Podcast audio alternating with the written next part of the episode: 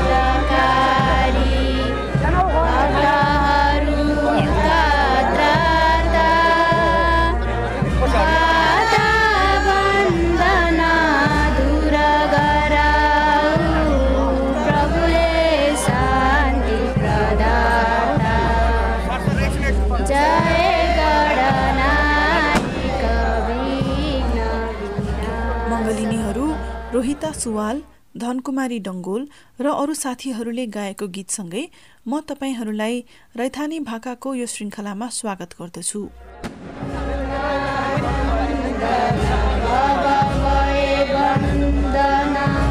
सेवा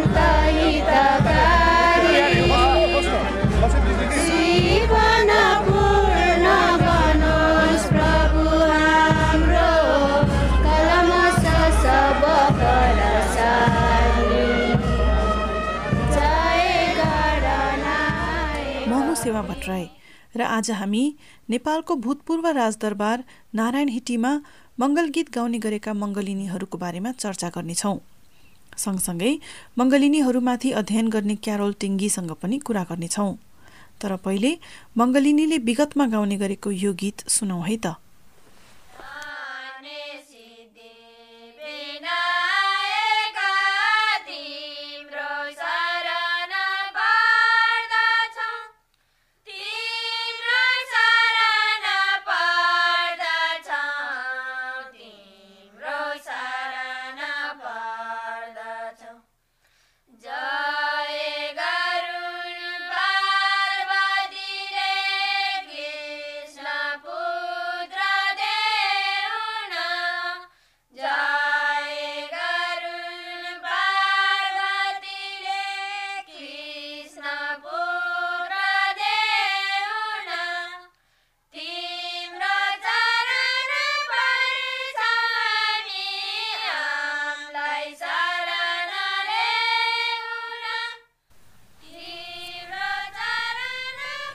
हुन् त यी गीत गाउने मङ्गलिनीहरू। हाल नेपालमा हिन्दू समुदायमा पुरुष पण्डितले मात्र कुनै पनि धार्मिक रीतिरिवाज सञ्चालन गर्नु सामान्य भएको छ। तर कुनै समयमा महिलाले सृजना गरेको मङ्गलमय वातावरण यस्ता रीतिरिवाजमा त्यत्तिकै महत्त्वपूर्ण हुने गर्दथ्यो। यो परम्परा नेपालमा घट्दै गए तापनि यसको अवशेष हनुमान ढोकामा मङ्गलिनीका रूपमा रहेका छन्।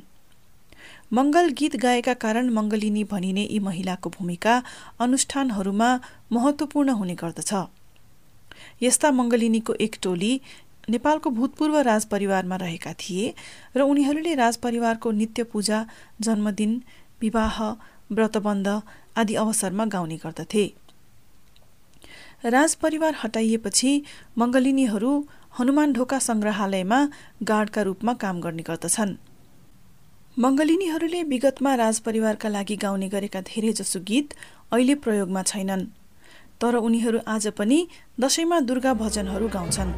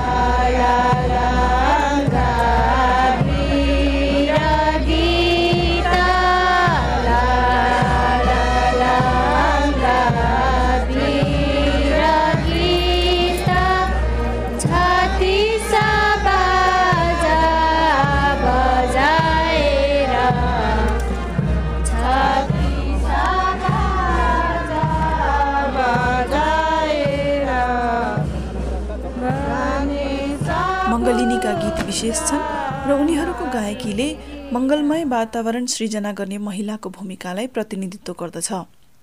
तर उनीहरूको जीवन गायकी र भूमिकाको अभिलेखीकरण विरलै पाइन्छ। सबभन्दा पहिले मङ्गलिनीहरूका आफ्नै शब्दमा उनीहरूको कामको बारेमा सुनौ है त। तत्कालीन युवराज दिपेन्द्रको उपनयनको तयारीका क्रममा धनकुमारी डङ्गोल र रोहिता सुवाल नियुक्त गरिएका थिए। धनकुमारी भन्छन्। मङ्गलिनी पदको लागि विज्ञापन हुँदो रहेछ चाहिन्छ भनेर। अनि त्यसमा त्यसबाट थाहा भयौँ अनि हामी आयौँ। अनि आएपछि पहिलाकै प्रक्रियाद्वारा हाम्रो सिट्रोल भर्ने अनि अब इन्टरभ्यू जस्तो दिने सबै गरेर अनि यो पदमा नियुक्ति भएको। त्योभन्दा अगाडि उनीहरूसँग गीत गाउने अनुभव थिएन। रोहिता भन्छन्? अब हामीले गीत गाउन जानुपर्छ भन्ने नै हामीलाई त थाहा थिएन। जब हामी यहाँ नियुक्ति पत्र लियौँ होइन? नियुक्ति पत्र लिइसकेपछि अनि अब यहाँ तपाईँहरूको काम चाहिँ यो मङ्गलिनी पद चाहिँ यसरी गीत गाउनुपर्ने हुन्छ। यसरी मङ्गलगान गाउनुपर्छ घटस्थापनादेखि नवरात्रसम्म भन्ने बुझेको पहिला चाहिँ हामीलाई यो यसको विषयमा थाहा छैन। युवराज दिपेन्द्रको उपनयनको लागि मङ्गलिनी परम्परा नै समीक्षा गरिएको थियो। कवि निर विक्रम प्यासीले शब्दमा सुधार गरेका थिए भने शास्त्रीय सङ्गीतकारहरू नरराज ढकाल र शम्भु प्रसाद मिश्रले सबै मङ्गलिनीलाई दुई वर्षसम्म फेरि तालिम दिएका थिए। धनकुमारी भन्छन् उहाँले एकदमै मिलाएर अब हामी त त्यतिखेर हामी त्यति पढेको हामी शिक्षित थिएनौँ। पहिला पहिलाको दिदीबहिनीहरू पनि हामी पनि कतिमा उहाँले बिस्तारै बिस्तारै लयमा मिलाएर मिलाएर सिकाउनुहुन्थ्यो एकदम हौसला दिएर। अनि यस यो गीतमा यसरी गाउनुपर्छ भनेर सिकाउनुहुन्थ्यो। उहाँकै प्रेरणा अब सङ्गीतमा चाहिँ। अब हामी पनि यसमा भयौँ। हामी पनि एकदम सौभाग्य ठान्छौँ। मङ्गलिनीको यस्तो परम्परा नेपालमा कहिले सुरु भयो भनेर बताउने कुनै अभिलेख भेटिएका छैनन्। मङ्गलिनी धनकुमारी डङ्गोलले यो परम्परा मिथकीय पात्र रामसँगै सुरु भएर नेपालमा लिच्छवी र मल्लकालमा समेत रहेको बताउँछिन् तर त्यसका कुनै प्रमाण भने छैनन्। पृथ्वीनारायण शाहको जन्मस्थल गोर्खा र उनको पहिलो प्रमुख विजयस्थल भएकाले केही समय उनी बसेको नुवाकोटमा पनि मङ्गलिनीले गाउने भएकाले शाहवंशसँग भने मङ्गलिनीको बलियो नाता देखिन्छ। जय देवी गोरखनाथ। अम्बिके जगजम्बिके। ज्योति ज्वाला विशाल खाबी र गीत कथी कथी ज्योति ज्वाला विशाल खाबी र गीत कथी कथी दादा थैया दादा थैया दादा थैया दादा थैया नाच सङ्गली नाच सङ्गली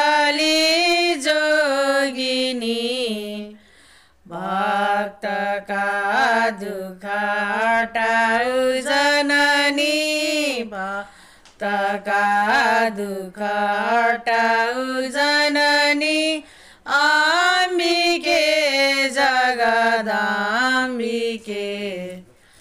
अम्बिके जगदाम्बिके जय देवी भैरवी गोरखनाथ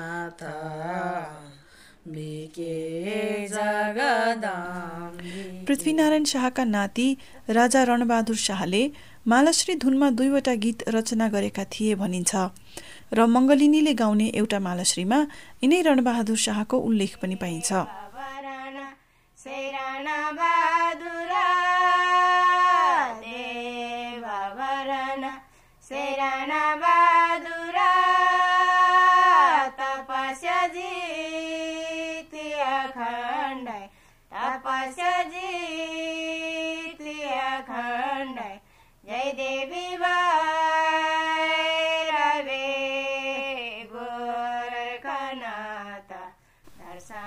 गोर्खाबाट फुलपाती ल्याइने दसैँको सातौँ दिनमा मङ्गलिनीको विशेष भूमिका हुन्छ र त्यसले पनि शाहवंशसँग उनीहरूको सम्बन्ध देखाउँछ। शाहवंशको सम्बन्ध भएका अरू ठाउँमा पनि यस्तो परम्परा देखिन्छन्। ब्रिटिस जर्नल अफ एथनोम्युजिकोलोजीमा सन् उन्नाइस सय त्रियानब्बेको एउटा लेखमा क्यारोल टिङ्गीले लमजुङ दरबारमा मालश्रेणी भनिने कन्याहरूले मालश्री गाउने गरेको लेखेकी छिन्। धनकुमारी र रोहिता भन्छन् पहिला हामी यहाँ दिदीहरू पहिला म आउनुभन्दा अगाडि अगाडि नौजना हुनुहुँदो रहेछ मङ्लिनी पदमा। अनि जब चालिस सालमा हाम्रो युवराज धिराज दिपेन्द्र सरकारको यो उपनयन परेको थियो वर्तमान त। त्यतिखेर चाहिँ हामीलाई सातजनालाई नयाँ नियुक्ति भर्ना गर्यो मङ्लिनमा त्यो जोडेर हामी सोह्रजना भयौँ अनि सोह्रजना हुँदाखेरि पाँचजना नुवाकोट दरबार तिनजना गोर्खा दरबार गरेर अनि बाँकी भएको आठजना काठमाडौँमा बसेर हामीले चाहिँ यो नवरथाभरि नवरात्रिभरि हामी यो मङ्गलगान गाउँछौँ नेपालमा मङ्गलिनीको पुरानो अभिलेख नभेटिए तापनि बृहत्तर दक्षिण एसिया क्षेत्रबाट उनीहरूको इतिहास बुझ्न सकिन्छ जहाँ मङ्गल गायनको बलियो परम्परा छ। लेखमा टिङ्गी लेख्छिन्। नेपालमा यो परम्परा नयाँ जस्तो देखिए तापनि यो मङ्गल गायनको निकै प्राचीन परम्पराको एउटा अंश परम्परा हो भनेर बुझ्न सकिन्छ। दक्षिण एसियाभरि नै यस्ता धार्मिक अनुष्ठानमा र दरबारमा गाउने महिला रहेका छन्। तीमध्ये सबैभन्दा प्रसिद्ध सायद देवदासीहरू हुन्। ओरिसाका मन्दिरका बाह्रौँ शताब्दीका विभिन्न शिलालेखमा देवदासी वा मङ्गल नारीको उल्लेख पाइन्छ। पुरीमा सन् उन्नाइस सय अस्सीको दशकमा पनि यो परम्परा बाँचेको थियो। ग्रामीण भारतमा अझ पनि जीवनका संस्कारमा महिलाहरूले गाउने परम्परा छ। राजस्थानमा महिला गायनको विरोध हुँदाहुँदै पनि थुप्रै महिला गायनका परम्परा जीवित छन् तर त्यसरी गाउने महिलाको सङ्ख्या सानो छ। महाराष्ट्रमा महिलाहरूले विवाहमा मङ्गलाष्टक गीत गाउने गर्दछन् भने गुजरातका सबै संस्कारमा मङ्गल गीत गाइन्छन्। उत्तर प्रदेशका गाउँमा उच्च जातिहरूमा महिला नै संस्कार गीतका अभ्यासकर्ता र जानकार हुन्। नेपालमा पनि यो परम्परा ग्रामीण क्षेत्रमा निकै फैलिएको पाइन्छ। पूर्वी नेपालमा र राजधानीमा यस्ता मङ्गल गीत कमै पाइन्छन्। तर मध्य नेपालमा केही मागर गीतहरू अभिलिखित गरिएका छन् भने कर्णाली र सुदूरपश्चिम प्रदेशमा यो परम्परा अझै बलियो छ जहाँ मुगलेरी भनिने महिलाले शुभ कार्यमा मागल गाउने गर्दछन्। त्यस्तै थारू समुदायमा महिलाले मागर गाउने गर्दछन् भने तराईका थुप्रै समुदायमा महिलाहरूले संस्कार गीत गाउने गर्दछन्। तपाईँहरूले पनि आफ्नो घर घरमा आमाहरूले यस्ता गीत गाएको सुन्नुभएको हुनसक्छ नारायण हिटीका मङ्गलिनीहरू यिनै ग्रामीण नेपालमा हुने घर वा समुदायमा गाउने गायिकासँग नजिक देखिन्छन्। हुन त नेपालमा टिङ्गीले उल्लेख गरे झै दरबारमा र मन्दिरमा गाउने परम्परा नभएका होइनन्। दरबारमा गाउने नानीहरू र देवतामा अर्पित देवदासीहरू नेपालमा पनि छन्। भारतमा विभिन्न अवसरमा दरबारिया तवायफ मन्दिरका देवदासी र रीतिरिवाजमा गाउने मङ्गल गायिकाका परम्परामा केही समानता पनि थिए। तर नेपालमा भने पछिल्लो इतिहास हेर्ने हो भने मङ्गलिनीको भूमिका दरबारिया गायिकाको भन्दा छुट्टै नै रहिआएको देखिन्छ। यहाँ मङ्गलिनीहरू शुभ कार्यका लागि मङ्गल गीत र भजन मात्र गाउँछन्। दरबारमा नाचगान गर्ने नानीहरू जस्तो मनोरञ्जनका लागि गीत गाउँदैनन्। नारायण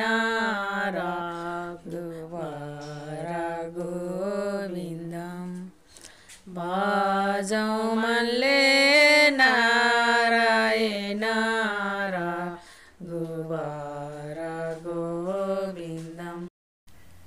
नेपालमा मङ्गल गीत गायिकालाई अरू किसिमका गायिकाबाट छुट्याउने सबभन्दा महत्त्वपूर्ण कुरा गायिका आफै नै मङ्गलमय हुनुपर्दछ।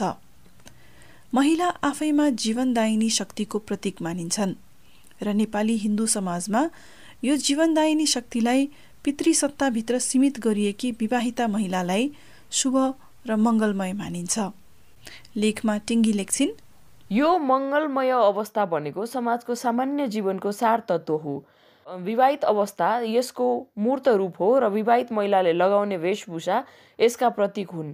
त्यसकारण रातो रङ सिन्दुर आदि विवाहको चिन्ह लगाएका महिला हिन्दू समाजमा शुभ मानिन्छन्। यस्तै सौभाग्यको पहिरनमा सजिएर विवाहित वा अविवाहित महिलाहरूले अनुष्ठानमा यी गीत गाउन पाउँछन्। तर परम्परागत रूपमा सन्तान जन्माउनबाट वर्जित विधवाहरू भने यो कामबाट पनि वर्जित छन्। मङ्गलिनीलाई महिलाको जीवनदायिनी शक्तिसँग जोड्ने अरू पनि तत्त्व छन्। गोर्खा दरबारमा दसैँको दसौँ दिनमा फागु खेल्ने क्रममा मङ्गलिनीहरूले तल हिँडिरहेका पुजारीहरूमाथि माथि झ्यालबाट रातो अबिर वर्षाउने गर्दथे।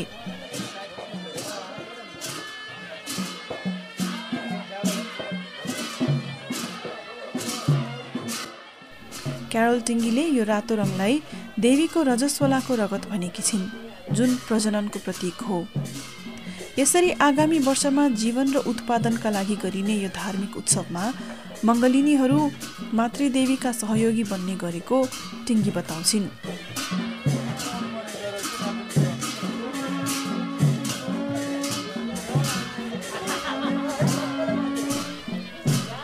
प्राय हिन्दू समाजमा रजस्वलाको रगतलाई अशुद्ध मानिन्छ। तर नवसृजना गर्ने शक्तिको प्रतीक भएकाले यसलाई शुभ पनि मानिन्छ। यो विरोधाभासलाई टिङ्गी अझ व्याख्या गर्छिन्। हिन्दू समाजमा शुभ र शुद्ध भनेको सधैँ एउटै हुन्छ भन्ने छैन। यी दुई अवधारणा दुई छुट्टा छुट्टै वैचारिक ध्रुव हुन् जुन विभिन्न तरिकामा अन्तर्क्रिया गर्छन्। उदाहरणका लागि दमाई वाद्यवादकहरू अशुद्ध मानिन्छन् तर शुभ हुन्छन्। त्यसै गरी शुद्ध मानिने विधवा ब्राह्मण महिलालाई अशुभ मानिन्छ। यस्तै एउटा विरोधाभास विवाहित महिलामा पनि निहित छ। विवाहित महिला शुभ मानिन्छन् तर कतिपय धार्मिक कार्यका लागि शुद्ध मानिँदैनन्। यस्ता धार्मिक शुभ कार्यमा बालिका र कन्याको पूजा गरिन्छ।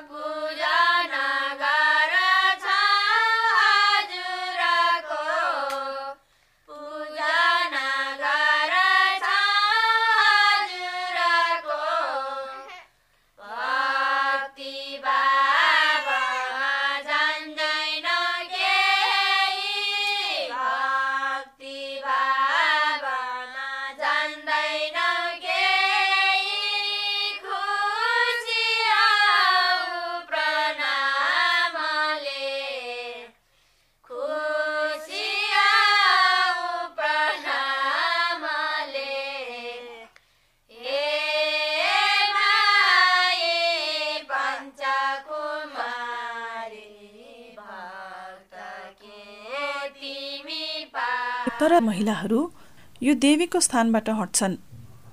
उदाहरणका लागि नेपालमा महिलालाई दसैँमा दुर्गाको पूजा गर्न दिइँदैन। महिलाहरू पण्डित र पुजारी हुन पाउँदैनन्। काठमाडौँका दाफाखला लगायतका विभिन्न भजन समूहहरूले महिलालाई निषेध गर्ने गर्दथे। भारतमा केरलाको सबरीमाला मन्दिरको किस्सा प्रसिद्ध भएको छ। जहाँ रजस्वला हुने उमेरका अर्थात् दसदेखि पचास वर्ष उमेरका महिलालाई प्रवेश निषेध गरिएको छ। वयस्क महिला यसरी धार्मिक अनुष्ठानबाट बहिष्कृत हुँदा धार्मिक क्षेत्रमा महिलाको अधिकार खोसिने र उनीहरूमाथि भेदभाव हुने गर्दछ।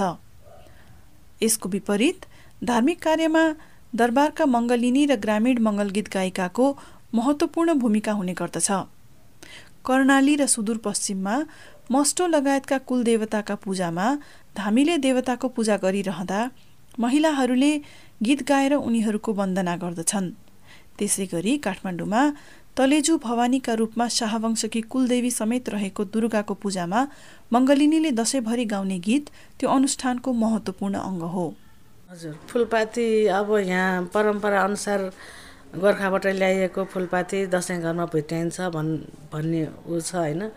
अब यहाँबाट हामी मङ्गलधुन बजाएर लिएर चाहिँ हामी जमलमा जान्छौँ। जमलमा गएर गोर्खाबाट ल्याइएको भन्ने फुलपाती हामी अब यो मङ्गलधुन बजाएर मङ्गलगान गाएर भित्राएर चाहिँ हामी लिएर बाजागाजासहित हनुमान ढोका दरबारमा बेच्याइन्छ यो चाहिँ परम्परादेखि नै चलिआएको काम हामीले यही नै गरिरहेको अब सुनौ मङ्गलिनीले दसैँमा गाउने गीतहरू। फुलपातीको दिनमा मङ्गलिनीहरू एउटा भवनको माथिल्लो तलामा गणेशको वन्दना गर्दै यो कार्यक्रमको सुरुवात गर्दछन्। त्यसपछि उनीहरू रातो सारीहरू लगाएर चोकमा झर्छन्। शिरमा कलश बोकेकी धनकुमारी डङ्गोलले उनीहरूको नेतृत्व गर्छिन् र उनलाई ठूलो रातो मखमलको छाता ओढाइन्छ। एक एक गर्दै सबै ब्यान्डहरू र मङ्गलिनीहरू लस्करै बाहिरिन्छन् र जमलतिर लाग्छन्।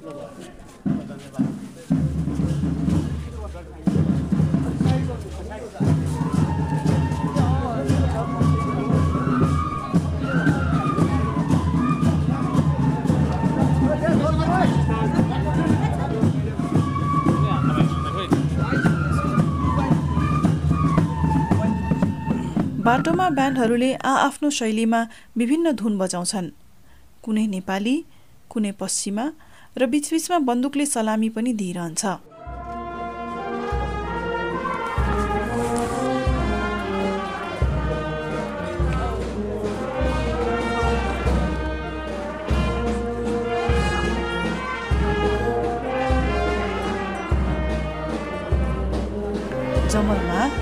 फलामको साङ्लोले घेरिएको एउटा सानो ठाउँमा गोर्खाबाट ल्याइएको फुलपाती लिएर केही पुरुष उभिएका छन्।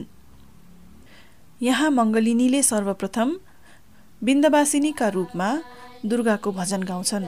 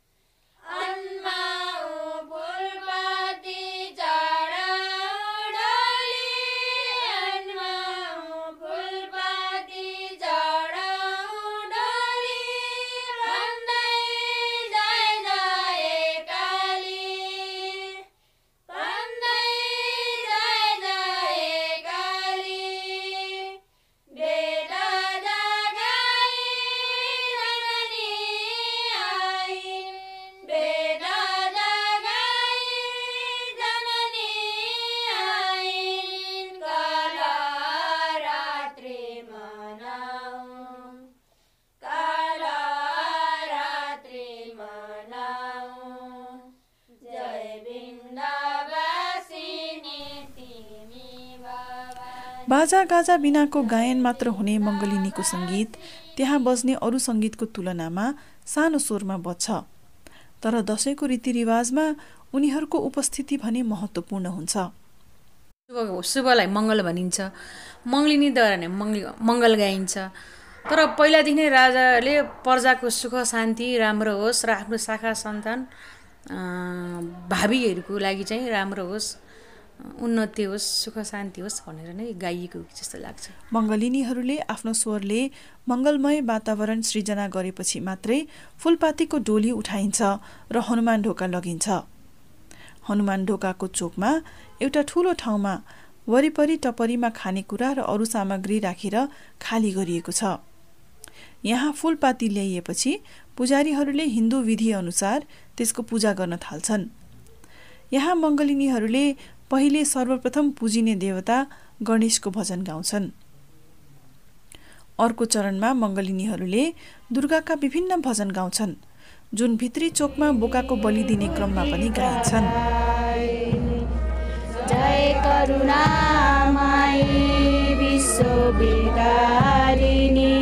विद्यारूपिणी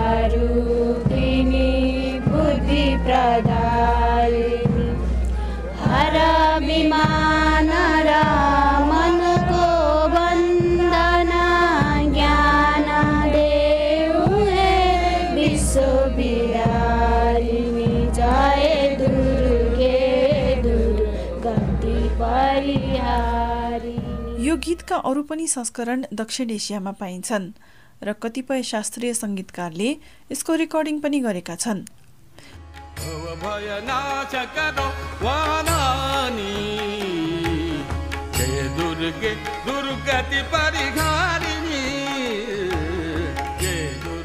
तर अरू संस्करण संस्कृत वा अरू भारतीय भाषामा पाइन्छन् भने यो गीत नेपाली भाषामा छ।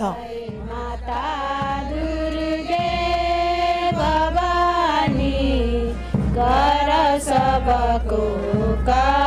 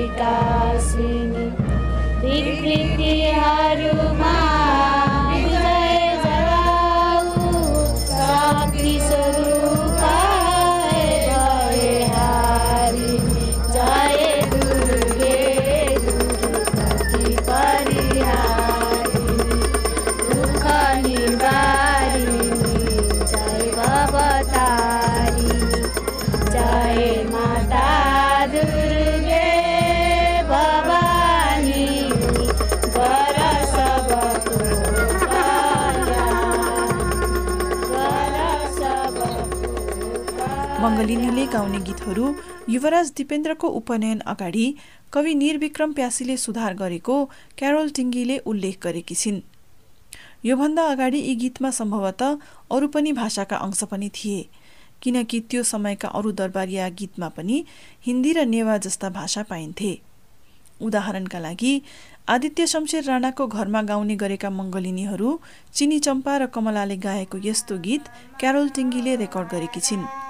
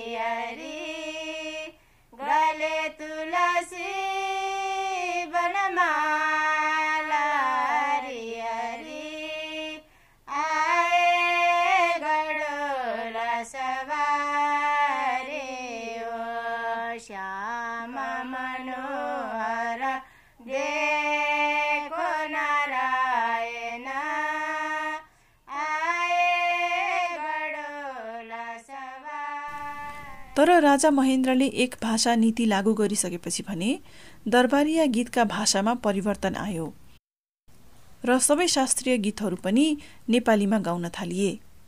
त्यही अनुरूप यी गीतमा संस्कृत र विशुद्ध नेपाली पाइन्छ। मङ्गलिनीले हाल गाउने यी गीत बाहेक उनीहरूले अरू पनि गीत जानेका छन् जुन अहिले प्रयोग गरिँदैनन्।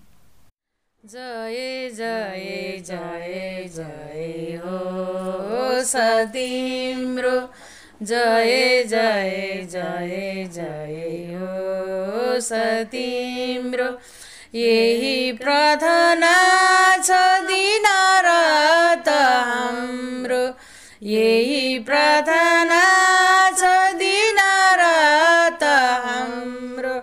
जय जय जय जय ओ सतिम्रो। जय जय जय जय ओ सतिम्रो। अष्ट चिरञ्जीवीले रक्षा गरी अष्ट चिरञ्जीवीले रक्षा गरी चिरायु राखुन् श्री पशुपतिले चिरायु राखुन् श्री पशुपतिले जय जय जय जय हो सतिम्रो। जय विगतमा मङ्गलिनीले यी बाहेक अरू पनि गीत जानेको र ती गीत अहिले हराएको पनि हुन सक्छ। क्यारोल टिङ्गीले यस्तै एउटा गीत आदित्य शमशेर राणाको घरमा रेकर्ड गरेकी छिन् जुन हाल सक्रिय मङ्गलिनीको स्मृतिमा छैन।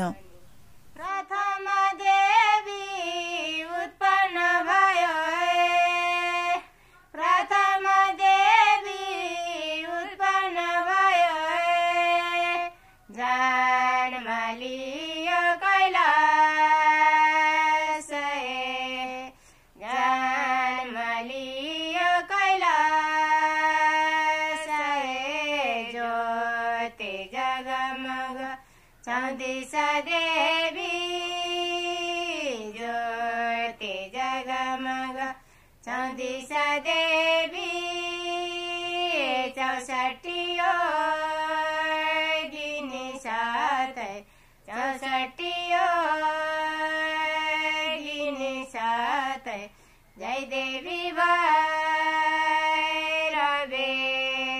गोरखनाथ। दर्शन देव भवानी। स्वप्न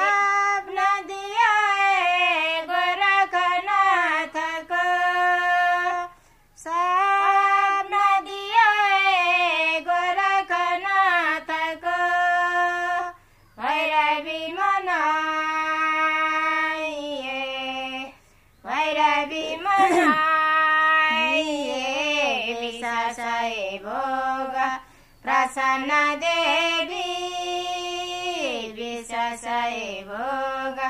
प्रसन्न देवी वरदान दियो सवदेश वरदान दियो सवदेश जय देवी भैरवे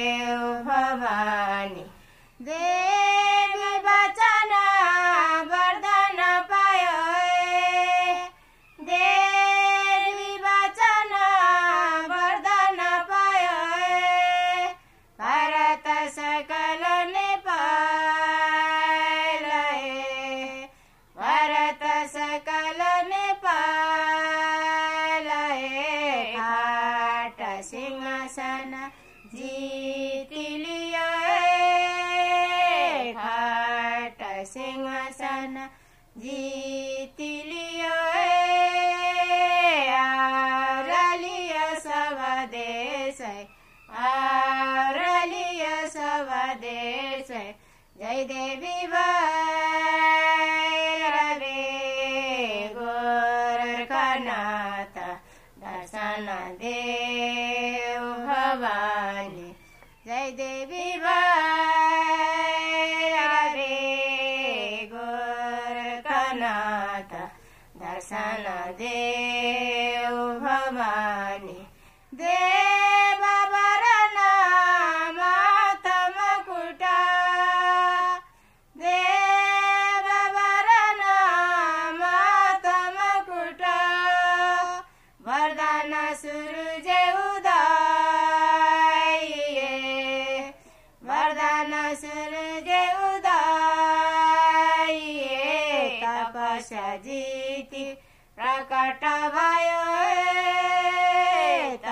जिति प्रकट भयो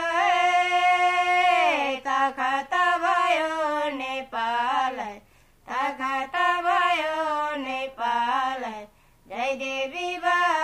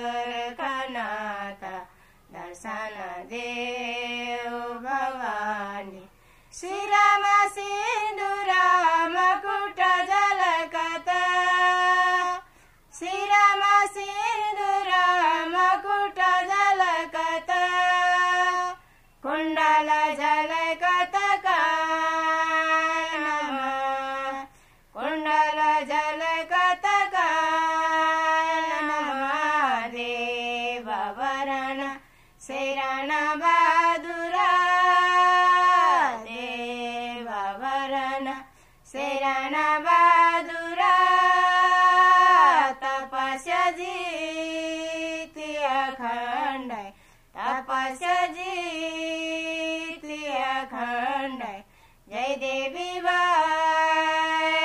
रवे गोरखनाथ दर्शन देव भवानी।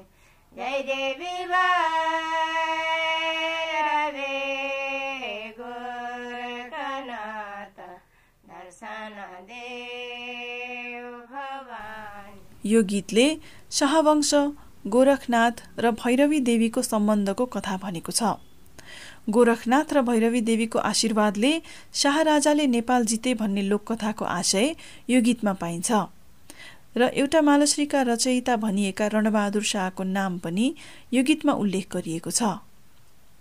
यसरी मङ्गलिनीहरूले गाउने गीतको सङ्ग्रह एउटा महत्त्वपूर्ण सङ्ग्रह हो जसमा थुप्रै विशेष गीत पनि रहेका छन्। हनुमान ढोकाका मङ्गलिनीले त्योमध्ये दस गीत सम्झेका छन् भने यो परम्परा अन्त हराउँदा मङ्गलिनीका अरू गीत बिर्सिएका पनि हुन सक्छन्।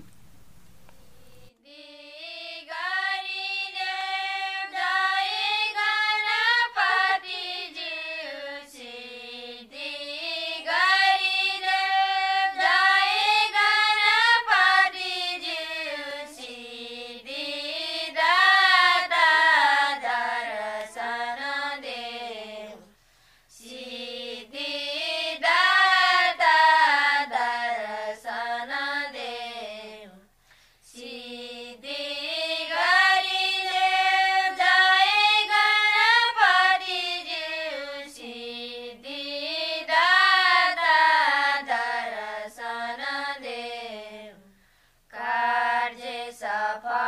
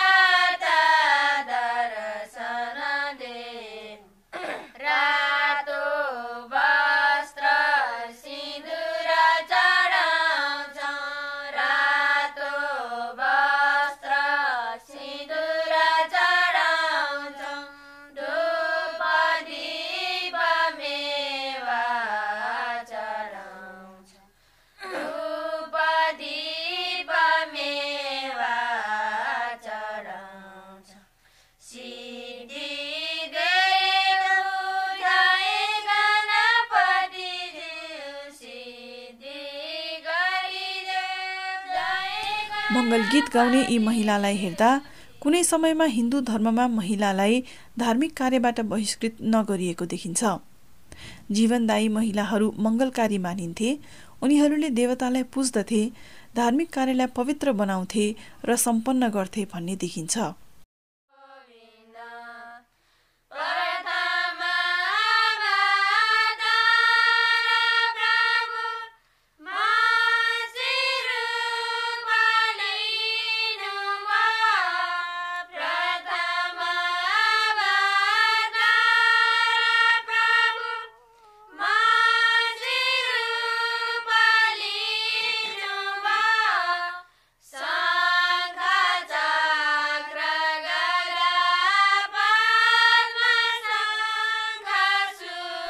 यो सन्दर्भमा मङ्गलगीत गाउने महिलाको भूमिका आज आएर विशेष बनेको छ किनकि यसले रजस्वला हुने उमेरका महिलालाई धार्मिक कार्यमा महत्त्वपूर्ण भूमिका दिन्छ।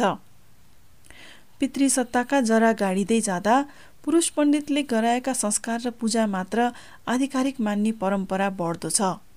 सँगसँगै प्राय महिलाका लोकगीत जस्तै मङ्गल गीतको पनि प्रयोग गर्दैछ। चाहे त्यो दरबारका मङ्गलिनीको होस् वा ग्रामीण समाजका मुगलेरीको। त्यसको ठाउँमा धार्मिक क्षेत्रमा पुरुष निर्णायकको उपस्थिति बढ्दो छ। पुरुषलाई शुद्ध र महिलालाई अशुद्ध भनेर जीवनको केन्द्रमा रहेको महिलाको जीवनदायी शक्तिलाई बहिष्करण गर्दै पितृसत्ताले यो भेदभावयुक्त संरचनामा अर्को इँटा थप्दैछ।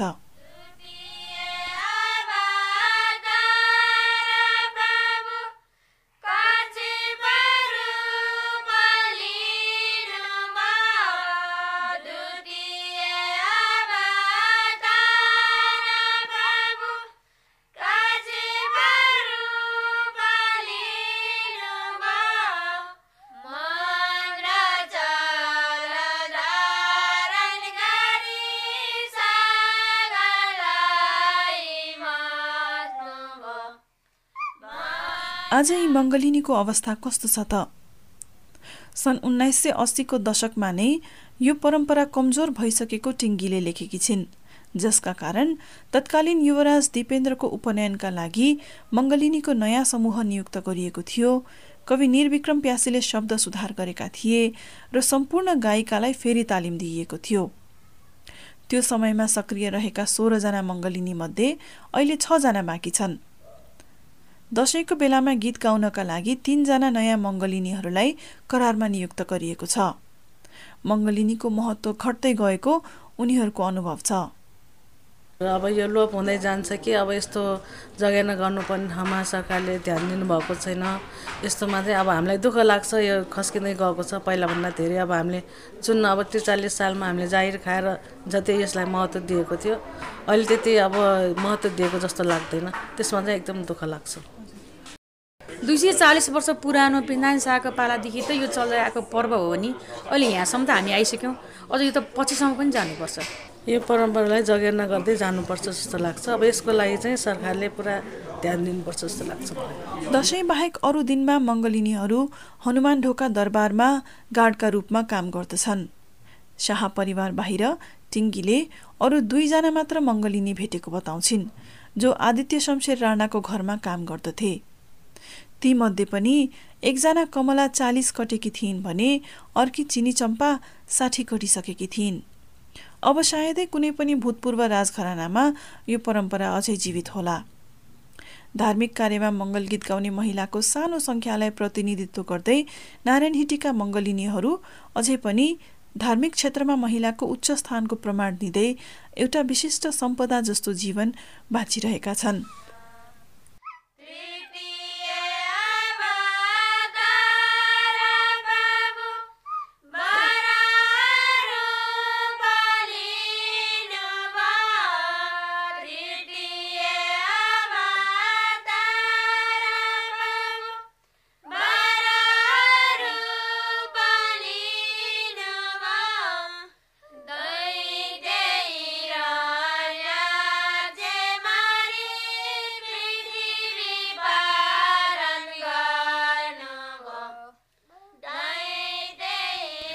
यो पडकास्टमा तपाईँले सुन्नुभएका गीतमध्ये केही गीत हाल सक्रिय मङ्गलिनीहरूले दुई हजार अस्सी सालको दशैंमा गाएका हुन् भने केही गीत ब्रिटिस एथ्नोम्युजिकोलोजिस्ट क्यारोल टिङ्गीले झण्डै चालिस वर्ष अघि रेकर्ड गरेकी हुन्।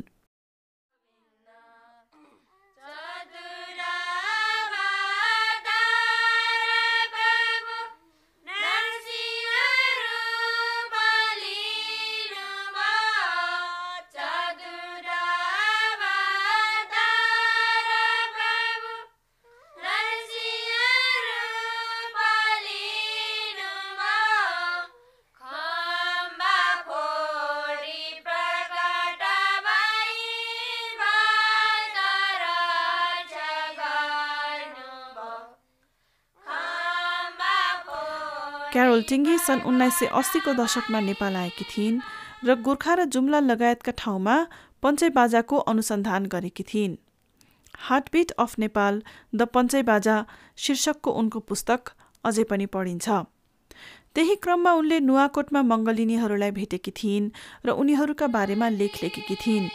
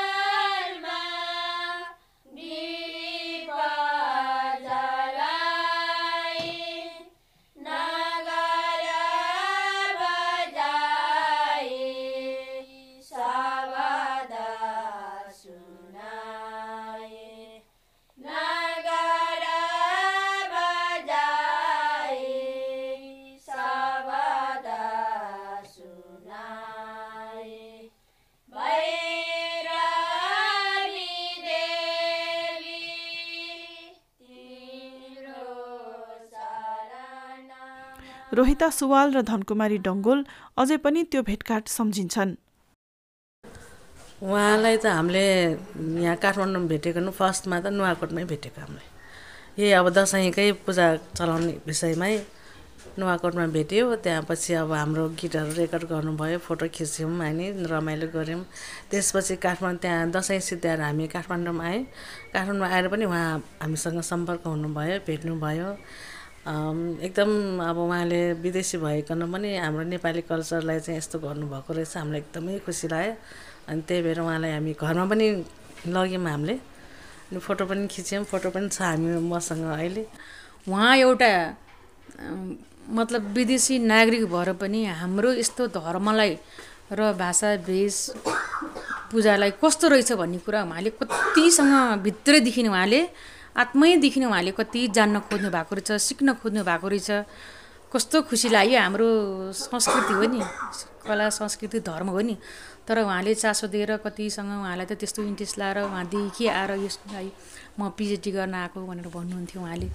तर हामी यही कल्चरमा हुर्केर यहीँ बसेर पनि हामीले कस्तो सिक्ने मौका नपाएको भनौँ कि के भएको यसमा चाहिँ कस्तो लाग्यो उहाँलाई त एकदम खुसी लाग्छ उहाँको यो उहाँलाई सम्झिँदा। साह्रै गौरव लाग्छ मनै प्रफुल्ल हुन्छ उहाँलाई सम्झिँदा। टिङ्गीले नेपालमा एक सय घन्टाभन्दा बढी सङ्गीत रेकर्ड गरेकी थिइन् जुन ब्रिटिस लाइब्रेरीले डिजिटाइज गरेको छ। यो नेपाली लोकसङ्गीतको सजिलै उपलब्ध सबभन्दा ठुलो सङ्ग्रह हो। नौ सय भन्दा बढी ट्र्याकमा पञ्चे बाजा नगारा बाना मङ्गलिनी रत्योली बिस्केट जात्रा घिन्ताङ घिसी घाटु जस्ता विभिन्न विधाहरू सङ्ग्रहित छन्।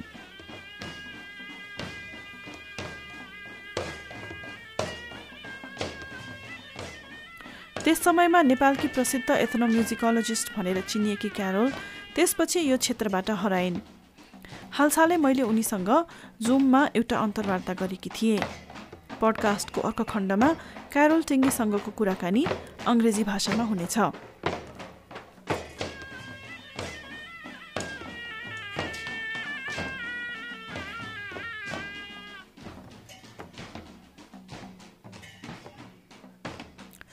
Please tell me something about your interest in ethnomusicology. How did you come to be in Nepal? My interest in ethnomusicology began after I completed my um, Bachelor of Music, um, which was focused on Western classical music. And then I started travelling for the first time outside Europe and realised that there was um, a whole world of other musics um, out there. Uh, so that uh, uh, tipped my interest. And then I travelled overland out to Kathmandu and uh, just fell in love with the place and decided that that would be the focus for research for my master's degree in ethnomusicology. I then went on um, to do a PhD um, in ethnomusicology. How did you become interested in Panche Baja? Um, I found out about the Panchabaja from an article written by Mireille Helfer. Um, this was at a time when I was um, exploring the, the possibility of, of looking at um, Nepalese music, but had no idea what genres there were or anything about it, and found that there was so little research done. Really, um, Panchabaja was the the only type of music that anything very substantial had been had been written. So that pointed me initially for my masters in that direction. Why did you choose to go to Gorkha? Gorkha was an ideal base um, for um, the, the bulk of my research because there was a, a, a still a very strong tradition of Panchabaja uh, for for the community, for, for weddings and so on, but also um, the Nagarabana tradition up at Gorkha Darbar was still fully operational at that time. And so I had a wonderful opportunity of hearing all the, the temple music um, as well as the, the, the general repertoire um, throughout the seasons.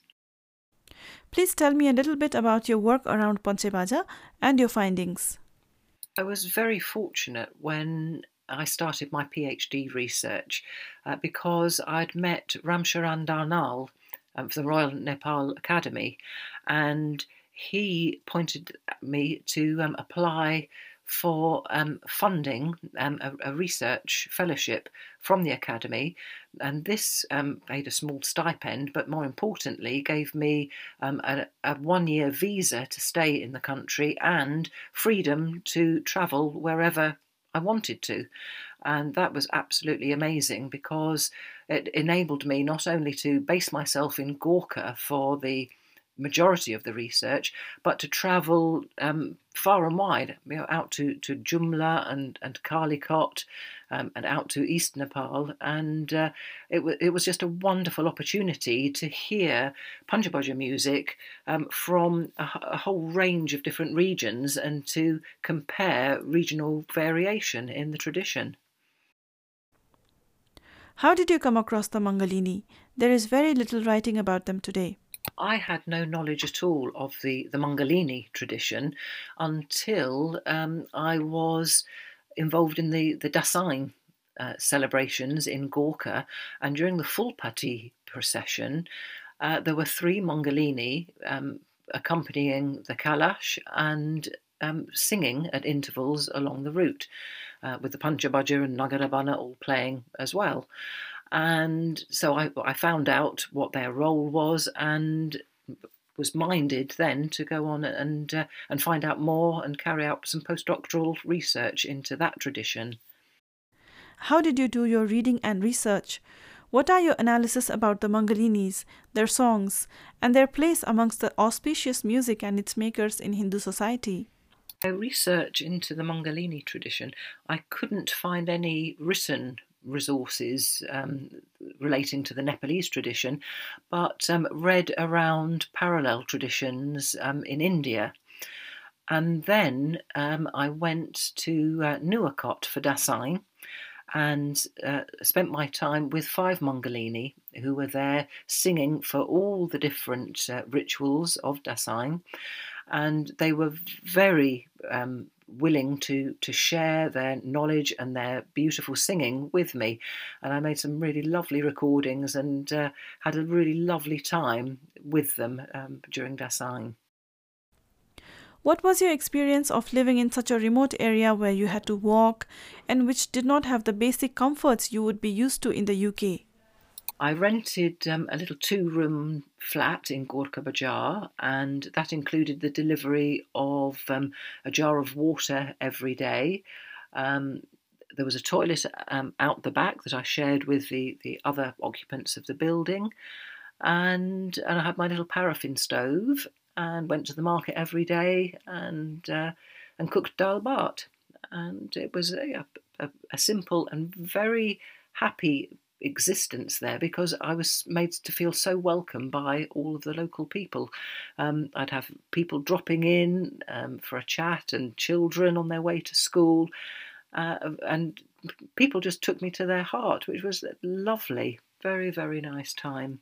after arrival, I made contact with um, the local Panchabaja musicians and uh, I met uh, Gopal Pariyar um, at one of the, the weddings, the, the, the, first wedding I went to, and he became my research assistant and was just worth his weight in gold. He um, introduced me to so many people, uh, took me to various festivals, uh, and and was a, a perfect assistant. Um, just the, the, the local knowledge on the ground. Uh, so that that worked really really well, and my language gradually improved so that um, I was um, able to c- communicate more and more effectively and understand more um, on, of my specialist area um, and to survive with the, the, all the basic language skills for, for living and travelling around. Um, but it was when I went back to Kathmandu, I couldn't then um, have intellectual conversations about politics or literature or anything else. I didn't have the vocabulary for, for that that sort of um, uh, Nepali conversation. But for everything else, um, my Nepali was sufficient. What was your experience of working in Nepal?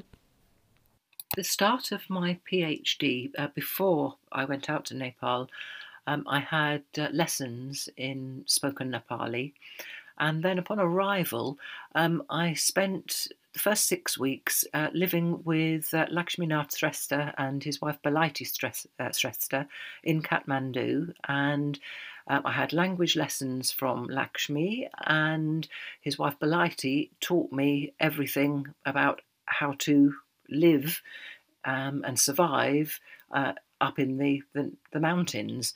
So how to use a paraffin stove, um, how to to uh, wash and wash clothes in the stream, uh, all of those sorts of skills, uh, life skills that I would need. I found it much harder to settle back into Western life than it was to um, take up um, a, Nepalese lifestyle, um, which took me by surprise. But there are still things that I've learnt. So how how valuable water is, and uh, we mustn't take for granted just to turn on a tap and get fresh, clean drinking water. Um, that lesson has remained with me even till today. You sort of disappeared from Nepal's ethnomusicology scene after these two works on the Panchebaja and the Mangalinis. What have you been doing after that? When I was working on the, the Mangalini research, I was already pregnant with my daughter. And that then um, gave me a, a, new direction in life. Um, I completed the, the, research that I was in, the postdoctoral research that I was involved in, uh, but then thought it, it wasn't viable to be travelling backwards and forwards to Nepal with a small child. Um, I retrained and became a teacher and stayed stayed in Britain, and my life took a new direction. Uh, I always intended to pick up the research again, but um, other things um, happened, and uh, and I haven't done so. Carol टिङ्गीसँगको यो अन्तर्वार्तासँगै रैथाने भाकाको आजको यो श्रृङ्खलाको पनि अन्त्य भएको छ यो श्रृङ्खलाका लागि म सर्वप्रथमत क्यारोल टिङ्गीलाई धन्यवाद दिन चाहन्छु जसले मङ्गलिनीका सङ्गीत रेकर्ड गरेकाले र उनीहरूका बारेमा लेख लेखेकाले म उनीहरूका बारेमा जान्न पुगेँ अन्तर्वार्ताका लागि र आफ्नो रेकर्डिङहरू प्रयोग गर्ने अनुमति दिनुभएकोमा पनि म टिङ्गीलाई धेरै धन्यवाद दिन्छु। मङ्गलिनीहरू रोहिता सुवाल र धनकुमारी डङ्गोललाई मसँग कुराकानी गरिदिनु भएकोमा र गीतहरूको प्रयोग गर्ने अनुमति दिनुभएकोमा धेरै धन्यवाद दिँदै म सेवा भट्टराई पनि आजका लागि बिदा माग्छु है त।